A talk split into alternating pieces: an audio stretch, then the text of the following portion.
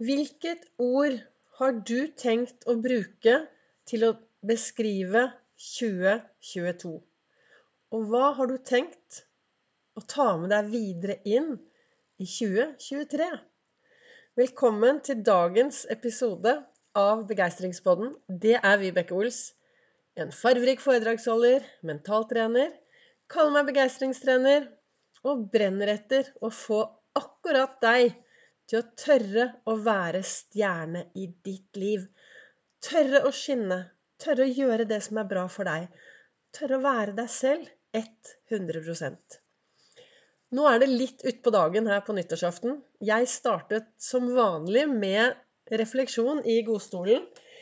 Eh, og jeg kommer tilbake til hva som står der. Så har jeg vært og gått en tur. Eller sklidd en tur i nærmiljøet. Nei da, vi hadde på oss brodder, stig fint. Så har jeg badet morgenbad og tatt meg en svømmetur. Det ble ikke akkurat 20 tak. I dag ble det 17. Men du verden hvor fantastisk. Og på veien utover så hadde jeg med Alejandro, som eh, kom fra Chile, som har kommet min, eh, inn i mitt liv i år. Jeg sier at det er min adoptivsønn.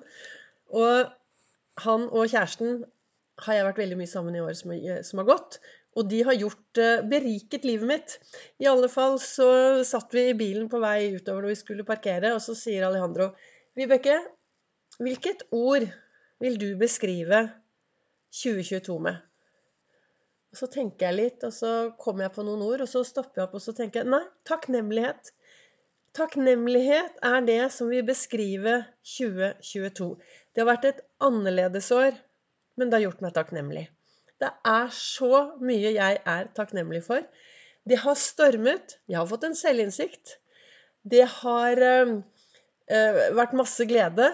Jeg har blitt glad. Mye å være takknemlig for. Jeg har vært masse til stede i mitt eget liv.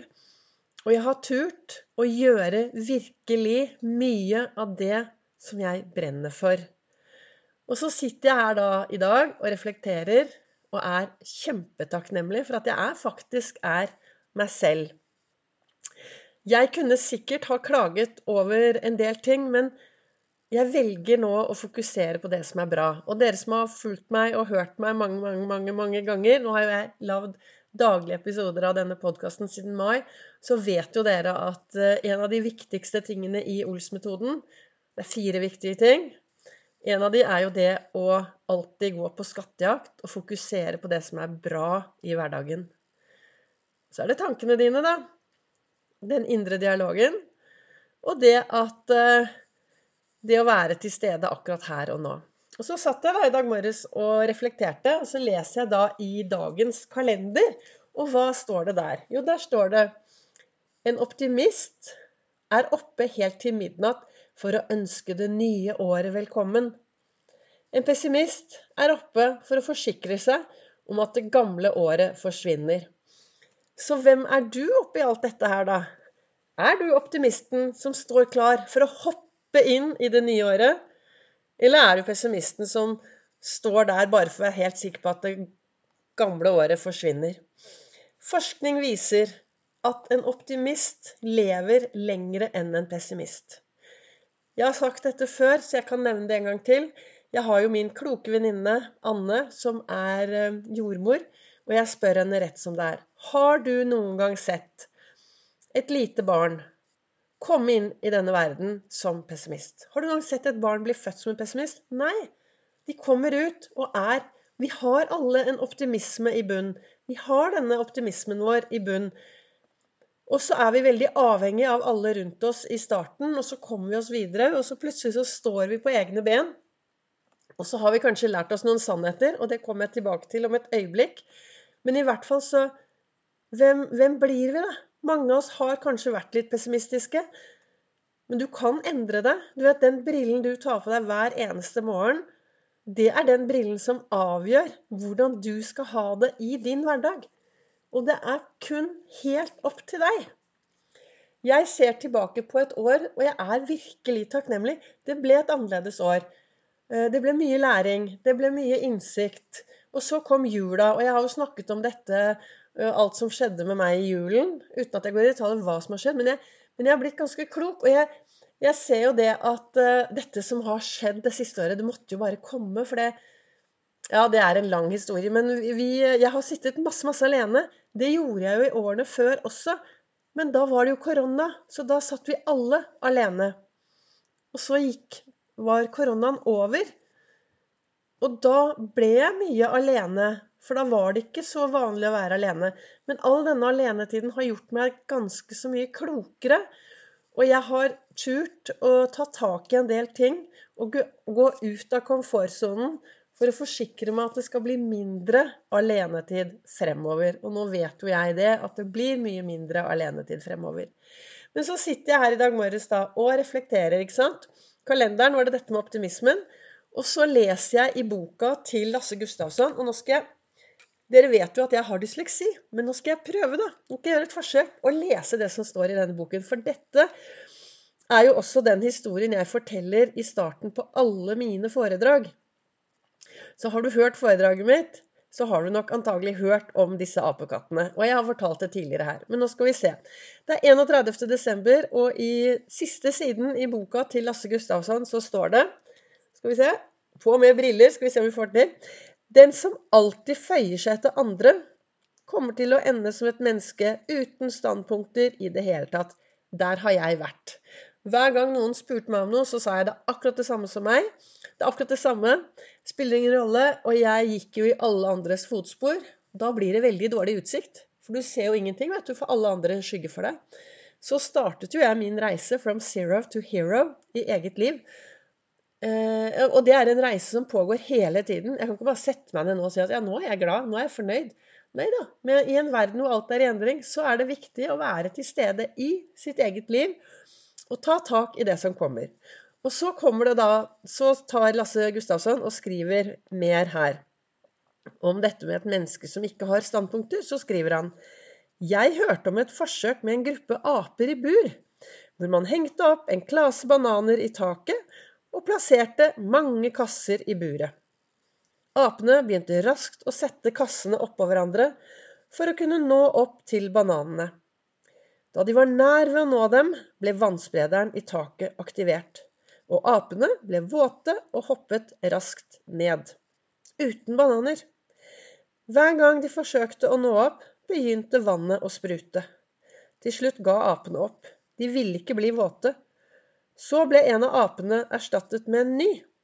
Når nykommeren forsøkte å klatre opp til bananene, ble han raskt stoppet av de andre apene. De visste jo hva som ville komme. Slik ble én etter én ape byttet ut. Hver gang en ny ape kom inn, hindret de andre den i å klatre etter bananene. Til slutt var alle apekattene byttet ut, og ingen av dem som nå var i buret, hadde noensinne blitt våte. Like fullt forsøkte ingen av dem å klatre opp til bananene. De hadde arvet en sannhet de aldri selv hadde opplevd. Og hvordan er det med deg? Hvilke sannheter går du rundt med i ditt liv? Hvilket apekattbur sitter du i?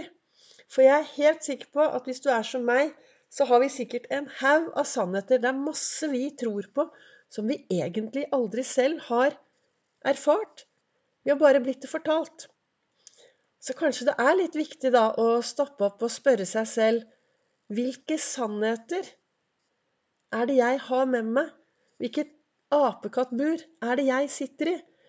Og er det mulig at 2023 skal bli det året hvor jeg faktisk flytter ut av det trygge apekattburet mitt og går ut i den store verden og lærer meg nye ting og gjør nye, får nye erfaringer, får nye sannheter, gjør en forskjell for de menneskene jeg møter på min vei, åpner øynene, løfter blikket og er og gjør en forskjell for alle de menneskene som jeg møter på min vei. For er det noe vi trenger nå, så er det mennesker som ser hverandre, snakker sammen og er til stede for hverandre. Tusen takk for at du har lyttet til min podkast gjennom hele dette året. Det nærmer seg 11 000, eller i hvert fall 10 500 nedlastninger. Og spørsmålet er jo nå hva gjør jeg til neste år? Skal jeg bare fortsette med en daglig podkastepisode. Vi får se. Kommer, det kommer jo en 1. januar, det er klart det. Jeg har jo så mye på hjertet. Og jeg, jeg brenner så veldig etter å inspirere andre da, til å tørre å ta tak i hverdagen sin. Til å tørre å forstå at de er faktisk unike personer. Altså du som lytter til meg, er en unik person. Fordi det er ingen som er akkurat som deg. Det er klart at Har du sittet for lenge i et apekattbur og blitt fortalt at du er både sånn og slik, og sånn skal det være, og så mistrives du med det, da er faktisk tiden akkurat nå Det er at når klokken blir tolv, så er det tiden for i kveld å hoppe inn i det nye året og starte et nytt år med blanke ark og fargestifter i et nytt apekattbur.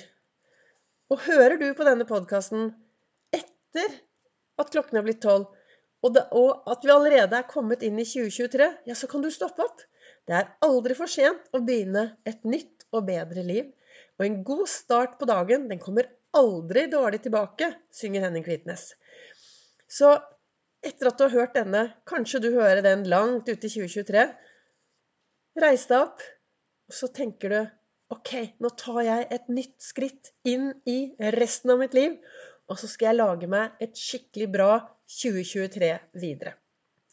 Nok en gang, takk for at du lytter til min podkast. Dere finner meg også på sosiale medier, både på Facebook og på Instagram. Og så er det foredrag i Oslo 17.1, på Nordstrandshuset og i Fredrikstad den 4. februar.